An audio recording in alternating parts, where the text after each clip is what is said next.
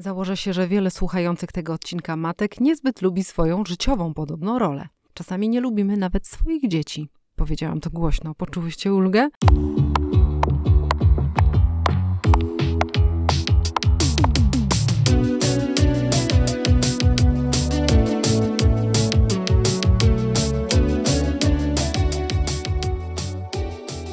Ciao, tu Bogusia w podcaście Kryzys wieku średniego. Zapraszam Cię na wiwisekcję tego przerażającego etapu życia, jakim jest dojrzałość. Bez tabu i bez litości, z przymrużeniem oka o kobiecości, relacjach, ciele i seksie. To jak? Lecimy rozprawić się z kolejnym mitem?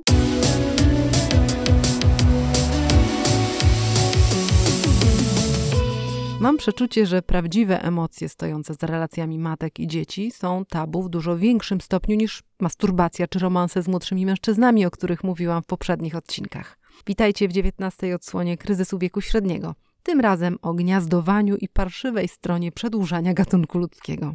W naszych polskich żyłach, męskich i kobiecych, płynie przekonanie, że rola rodzicielki jest święta. Czasem zupełnie nieświadomie otaczamy ją taką różową watą cukrową spełnienia i satysfakcji. Ta puszysta chmurka unosi macierzyństwo ponad zafajdane pieluchy i znój wychowywania coraz bardziej trudnych pokoleń. Rodzicielstwo to także sposób na nieśmiertelność. Bycie matką jest uświęcone i szlachetne. Już nawet nie tylko za sprawą konotacji religijnych, gdzie dziewica, a więc postać nieskalana, stała się niedoścignionym punktem odniesienia dla wszystkich steranych życiem kobiet w wieku rozrodczym. W naszych laicyzujących się bezlitośnie zachodnich społeczeństwach mamy jeszcze jeden młotek, którym wali się po głowach niezależnie myślące obywatelki. To natura. Argumentacja tych, którzy tracą patriarchalne przywileje i marzą o przywróceniu konserwatywnego porządku, to biologia i historia. Wycierają sobie gęby wyrwanymi z kontekstu faktami naukowymi i próbują udowadniać, że walka z naturalnym powołaniem i predestynacją kobiet odbiera ich życiu sens i jest marnowaniem zasobów. Skoro powoływanie się na religię, gdzie macierzyństwo jest świętym przeznaczeniem niewiasty, stało się trochę nieskuteczne, no to trzeba sięgnąć po bardziej rozmowe argumenty, nie? I głosić, że rodzenie dzieci na pewno służy kobiecemu zdrowiu i poczuciu spełnienia. Konserwatystów nie przekonuje niestety to, że coraz mniej ludzi chce mieć potomstwo. Liczba urodzeń spada stopniowo od 2018 roku, no i w tej chwili jest najniższa od czasu II wojny światowej. Wyobrażacie sobie? Mimo całej polityki prorodzinnej. Jednak najciekawsze w kontekście tych zmian jest to, że decyzja o rezygnacji z powoływania nowego życia przestaje być czymś wstydliwym albo ukrywanym. Co bardziej asertywne jednostki domagają się uszanowania swoich wyborów. Coraz śmielej edukujemy otoczenie, wymagamy taktu przy zadawaniu pytań o tę intymną sferę życia. Wścibstwo, nawet takie pozornie życzliwe na temat planów prokreacyjnych, pomału staje się towarzyskim fopa. Ciocie, wujkowie, babcie uczą się gryźć w język, a młodzi przestają wstydzić podejmowania nietradycyjnych decyzji życiowych. Bo nagle okazuje się, że dla coraz większego odsetka ludzi powoływanie do życia potomstwa nie jest największym marzeniem. No ale ten odcinek jest o gniazdowaniu, więc stawiam pytanie, co z tymi, którzy jednak zdecydowali się na pisklęta mniej lub bardziej świadomie czy celowo? Rodzicielstwo, a właściwie powinnam uściślić, macierzyństwo jest w naszej szerokości geograficznej uważane za dobrowolne przyjmowanie zobowiązania do bohaterstwa. Serio tak to widzę. Już na etapie zabawy lalkami wsącza się nam w mózgi, że dla dziewczyny to najważniejsza życiowa rola, najważniejsza czynność. Ważniejsza niż wykształcenie, ważniejsza niż rozumienie siebie, niż samostanowienie i na przykład niezależność ekonomiczna. Wystarczy wejść do pierwszego lepszego sklepu z zabawkami, żeby zobaczyć, jak socjalizuje się dziewczynki do przyszłych zadań życiowych. Sztuczne niemowlęta, miniaturowe wózki, mikroskopijne kuchnie opatrzone logotypami, a jakże realnych wytwórców sprzętu AGD, niech się przyzwyczajają, oczywiście wyposażone w maleńkie garnki, plus macie wybór ubranek, pieluch i akcesoriów dla małoletnich mam. Takie plastikowe rekwizyty do zabawy w dom i rodzinę. Ale nie dość, że wyrastamy w oczekiwaniu na tę wielką rzecz, to jeszcze przyswajamy, jak realizować ją w sposób męczeńsko poświęcający się. Nie tylko dlatego, że dziedziczymy ten wątpliwy zdrowotnie etos matki po własnych rodzicielkach, ale także z braku realnego wsparcia państwa i społeczeństwa. Podobnie jak w fikcyjnym Gilead, kobiety oczekujące dziecka otacza się uwagą tylko do czasu porodu, a po rozwiązaniu zostawia samym sobie. Nie mamy jak lub nie chcemy po prostu korzystać z pomocy bliskich i zwróćcie uwagę, że takie rodzinne wsparcie z automatu mają zapewnić właśnie kobiety, nie mężczyźni, którzy przecież także będą beneficjentami systemu ubezpieczeń ratowanego przez właśnie rodzące się pokolenia. To od kobiet, matek i babek oczekuje się poświęcenia i rezygnacji z własnego życia, czyli tego wszystkiego, o czym ja mówię od samego początku w podcaście Kryzys wieku średniego. Kto aplikował do żłobka czy przedszkola, ten się w cyrku nie śmieje. Po okresie niańczenia, czyli pracy 24 godziny na dobę, 7 dni w tygodniu, na plecy spada nam jeszcze niewydolny i anachroniczny system nauczania, który spycha na rodziców duży kawałek ciężaru edukacji. No i koszty. Rodzina to przecież także koszty finansowe. Według ostatnich wyliczeń utrzymanie i wychowanie dziecka w Polsce do 18 roku życia tylko, czyli bez studiów, to dla rodziców obciążenie sięgające 265 tysięcy złotych. 265 tysięcy, czujecie to? To są świeże dane za poprzedni rok. Ktoś tam jeszcze ma zamiar krzyczeć, jakim to benefitem jest 500 plus? Naprawdę? Obciążenia finansowe to jednak drobiazg w porównaniu z tym, co czeka rodziców, a szczególnie matki podczas tych 18 lat. Będę skupiać się na kobietach, bo to jest moja osobista perspektywa. Na pewno niektórym z Was zechce się wejść w polemikę, że kobiety same sobie są na przykład winne, że ojcowie też mają źle, że system nie jest sprawiedliwy dla nikogo, ale przypominam, że ten podcast to felieton, a felieton rządzi się swoimi prawami i pozwala mi na przyjęcie subiektywnej perspektywy. Że jestem matką, a nie ojcem, że jestem mieszkanką dużego miasta, przedstawicielką klasy średniej, że korzystam z wielu przywilejów. Z tego punktu będę mówić.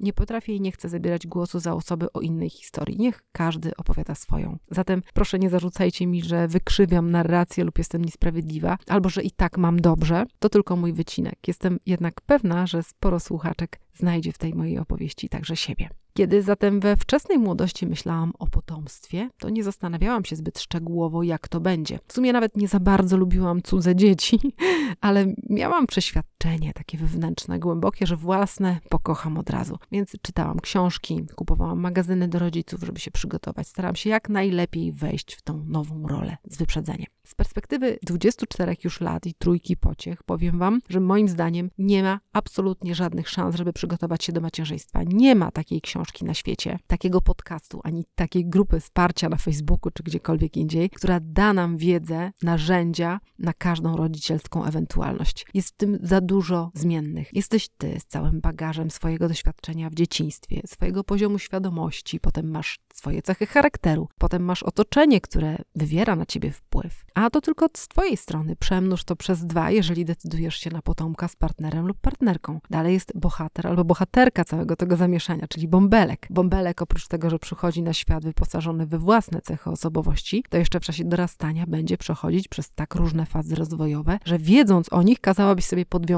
jajniki. I wiesz, myślę, że brak takiego kompleksowego poradnika dla rodziców to jest jednak błogosławieństwo dla dzietności, bo pewnie po przeczytaniu go większości potencjalnych rodziców odeszłaby ochota na rozmnażanie. Rodzicielstwo, a już szczególnie macierzyństwo, to nie słodko pierdzący obrazek z reklamy odżywek dla niemowląt. Myślę, że ten optymizm jest w jakimś stopniu konieczny, ale też bardzo, bardzo nas knebluje. Oczywiście, że dzieciaki dają nam dużo satysfakcji, tego spełnienia, o którym mówiłam na samym początku. I jeszcze uwaga, że specjalnie będę tu unikać sformułowania posiadanie dzieci, bo jest straszne. Dzieci nie są naszą własnością i odmawiam takiego ich traktowania. Ale oprócz obezwładniającej miłości, jeżeli ją poczujesz, bo to naprawdę nie jest takie oczywiste i powszechne dla wszystkich od samego początku, razem z tą miłością dostaniesz w pakiecie niekończące się lęki, przygniatającą odpowiedzialność i wreszcie gniew i złość, których nie będzie ci wolno wyrażać. Ani wobec dziecka, ani w ogóle będziesz zmęczona. I nie mam na myśli zmęczenia ząbkującym maluchem czy nieprzespanymi nocami. To zmęczenie będzie z tobą aż do końca liceum, może dłużej, jeżeli dziecko pójdzie na studia. Wiem, co mówię, doświadczałam tego już dwa razy, teraz przechodzę trzeci. Wierz mi, wcale nie jest łatwiej. Przyjdzie wiele momentów, kiedy będziesz sobie zadawać pytania, dlaczego cały wysiłek, jaki wkładasz w opiekę i wychowanie, dlaczego poświęcenie temu prawie że wszystkiego przynosi tak marne rezultaty. Czasami mam wrażenie, że frustracja i rozczarowanie to moje drugie imię, ale rzadko mam komfort wyrażenia tego, chyba w tym podcaście publicznie po raz pierwszy. Dlaczego? No przede wszystkim ze strachu, że moje dziecko dowie się i pomyśli, że go nie kocham. A po drugie dlatego, że każda mama chce być postrzegana jako dobra mama. I możemy sobie wmawiać, że chcemy być wystarczająco dobra, ale w głębi serca potrzebujemy medalu, nawet jeżeli to będzie medal od obcych ludzi na ulicy. Więc tym bardziej trudno radzić sobie z tymi trudnościami i poczuciem jakiejś nieadekwatności. No a jeżeli się załamiesz, bo nie dasz rady już tego dźwigać, albo jesteś bardziej wrażliwa, to jedyne na co możesz liczyć, to jest to, że ludzie będą przychodzić do ciebie z sugestiami i radami, jak powinnaś się załatwiać sprawy, jak powinnaś żyć, jak wychowywać. I usłyszysz od przeróżnych mądrali, że masz się cieszyć każdą minutą z dziećmi, bo czas tak szybko mija i za chwilę nie będą już tymi słodkimi babasami albo przedszkolakami, czy tam, nie wiem, uczniami, czy, czy tymi idealistycznymi nastolatkami, bo ten wiek też ma swoje zalety. I to, że przeżywamy ciężkie chwile i czasami mamy serdecznie dość macierzyństwa, własnych dzieci, siebie jako matek. To, że się wściekamy, wcale nie oznacza, że nam nie zależy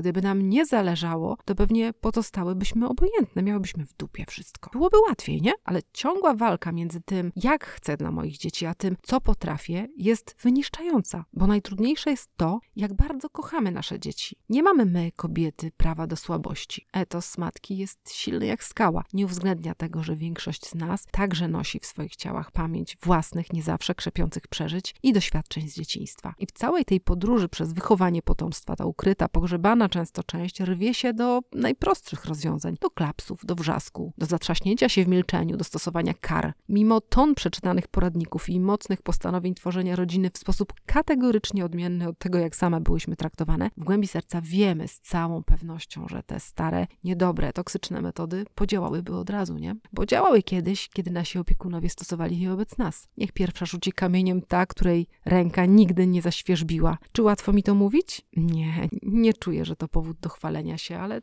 bywało, bywało tak. To było bardzo, bardzo pokręcone, ale też bardzo kuszące i wchodzące jakby automatycznie. Zamiast siłować się bez końca z potworem noszonym w sobie i spokojnie tłumaczyć, tłumaczyć, tłumaczyć i okazywać miłość oraz wsparcie, mogłabyś się rozedrzeć i wyrzucić gnojka z pokoju, dać mu szlaban na coś, wyrazić wobec niego swój gniew i bezsilność, pokazać, że też jesteś człowiekiem, że masz słabości. Ale wiesz, że twoje dziecko byłoby tym przerażone, nie udźwignęłoby tego, bo nie ma twoich doświadczeń, nie ma twojej wyporności. Powiem wam, że nawet jeśli czasem zdarzało mi się dzielić z dziećmi historiami z własnych szczenięcych lat, opowiadać właśnie o tych trudnych przejściach, o tym, jak sama byłam traktowana, one słuchały tego jak baśnie o żelaznym wilku. Moja córka jak mantrę powtarza, to były inne czasy, mamo, a mnie trafia szlak, bo wiem, że nie byłam w stanie zbudować na tym deficycie zapasu cierpliwości, serdeczności i wsparcia, jakiego potrzeba mojemu dziecku i także zranionemu dziecku we mnie. A jak czerpać z próżni? Jedyna rzecz, której chciałabym dożyć, to żeby moje dzieci zrozumiały, nie były wdzięczne, ale zrozumiały, ile wysiłku włożyłam w to, żeby być taką, jaką jestem, a nie taką, jaką mnie wymodelowano. W tym wszystkim jedną z gorszych rzeczy jest rodzicielska świadomość, że wiesz lepiej, że naprawdę potrafisz przewidzieć, jakie skutki przyniesie zachowanie twojego syna czy córki, że będzie szkodzić przede wszystkim im. Pewnie chciałabyś powiedzieć, trudno pieprzyć to i odpuścić. Po prostu zostawić, niech się dzieje co chce. Ale wiesz, że to będzie eskalować, że inercja pożre wszystko i za chwilę nie poznasz ani swojej rodziny, ani domu i twoje skarby będą sobie strzelać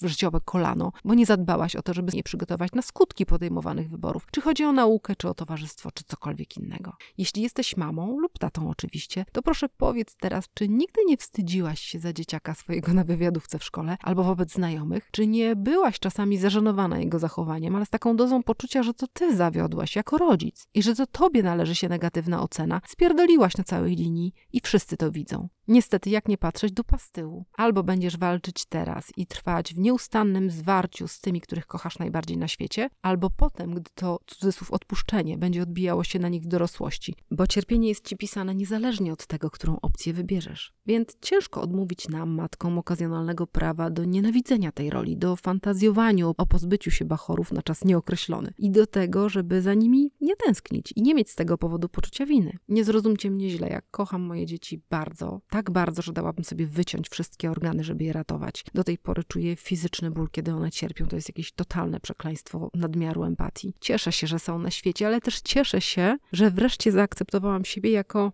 hmm, nienawidzę tego oklepanego sformułowania, ale niech będzie, wystarczająco dobrą matkę, a czasami niewystarczająco. Zdarza mi się czasem ostatkiem sił i rozumu tłumaczyć Poli, kiedy jest dla mnie wredna i roszczeniowa, że się staram. Naprawdę bardzo, bardzo się staram, ale nie daję rady, bo nie dostałam dobrego przykładu ani we własnym rodzinnym domu, ani w otoczeniu. I jedyne, co mi przyświeca, to cel, by być dla niej taką mamą, jaką sama chciałabym mieć. Czasami się udaje, czasami mniej. Opublikowałam jakiś czas temu wideo, w którym tak żartobliwie podsumowałam, co oznacza bycie przedstawicielką pokolenia X, jak bardzo nasze czasy nas uodporniły na przeciwności losu, ile musieliśmy znieść i z czym się zmagać, a mimo wszystko daliśmy radę. I mimo, że był to żart, dostałam za to spore bęcki, szczególnie od młodszych pokoleń. Rzucano mi w twarz, że nie ma co się chwalić traumami i cierpieniem, które przekazujemy teraz w spadku własnym dzieciom i że jesteśmy dla swoich dzieciaków najbardziej toksycznymi rodzicami ever. No ała, zabolało, przyznaję, bo o ile znam swoje i moich rówieśników wady, to nie spodziewałam się tak ostrych słów, bezlitosnych. Wytykających braki i błędy kompletnie bez kontekstu warunków, w jakich sami się wychowaliśmy. Bardzo łatwo oceniać, tak? Ale niedocenianie nakładu pracy, jaką musieliśmy włożyć w przerwanie tego schematu, jest po prostu niesprawiedliwe. No bo patrzcie,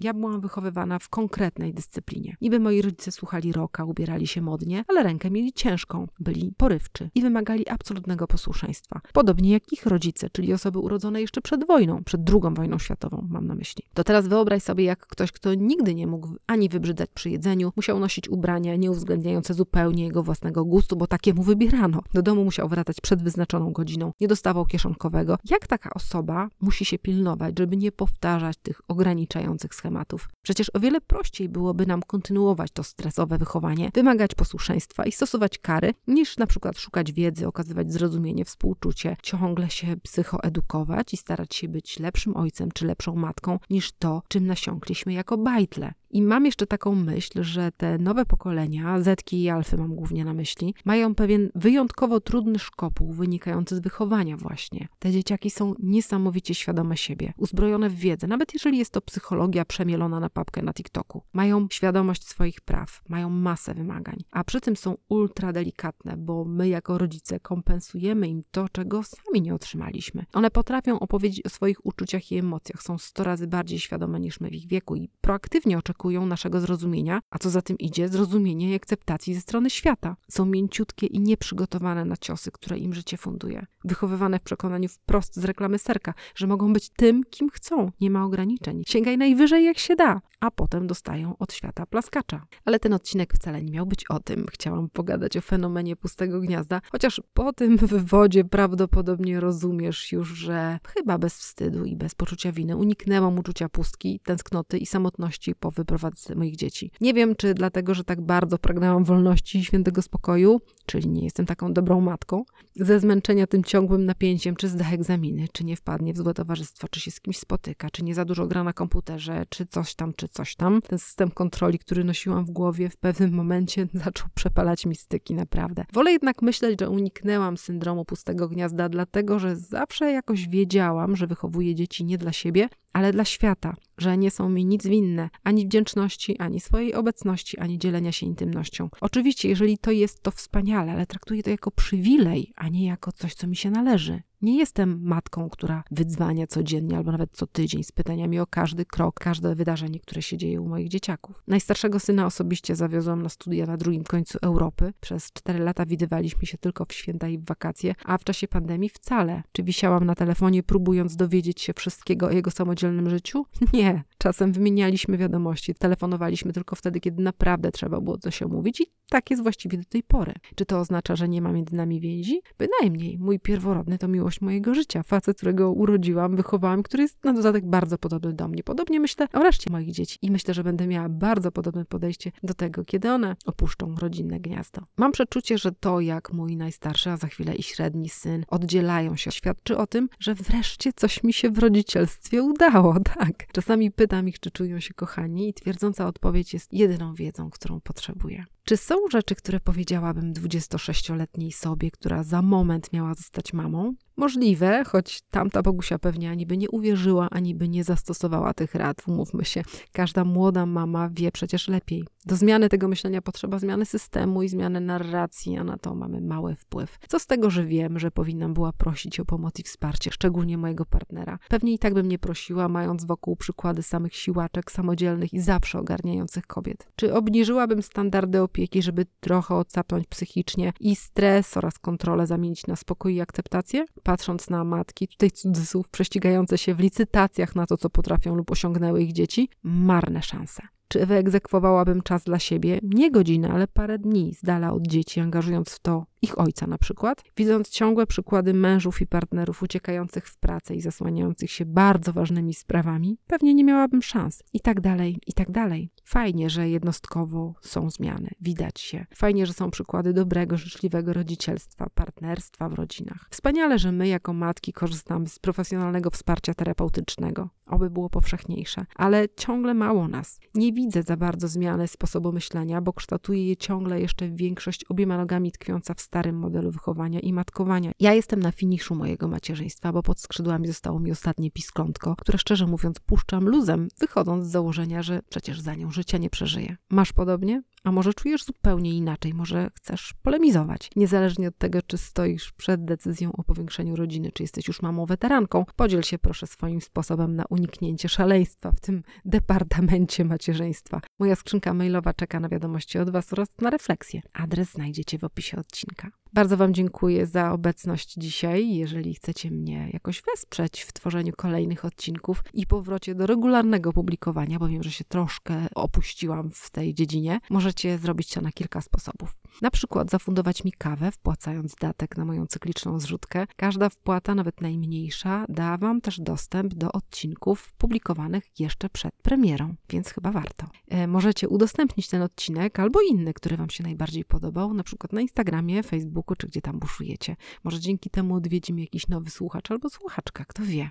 Możecie też zasubskrybować podcast na Spotify albo na YouTubie, albo też wystawić mu ocenę, a można zrobić obie te rzeczy na raz. To dla mnie substytut głasków, na które jestem bardzo, bardzo łasa, poproszę. Jeżeli macie w głowie jakieś tematy, które warto poruszyć w kryzysowych kawałkach, to napiszcie do mnie e-mail, a adres oczywiście jest w opisie odcinka. Zapraszam Was też na moje kanały społecznościowe, Instagram i TikTok. Y, są tam różne treści, więc warto być na obu.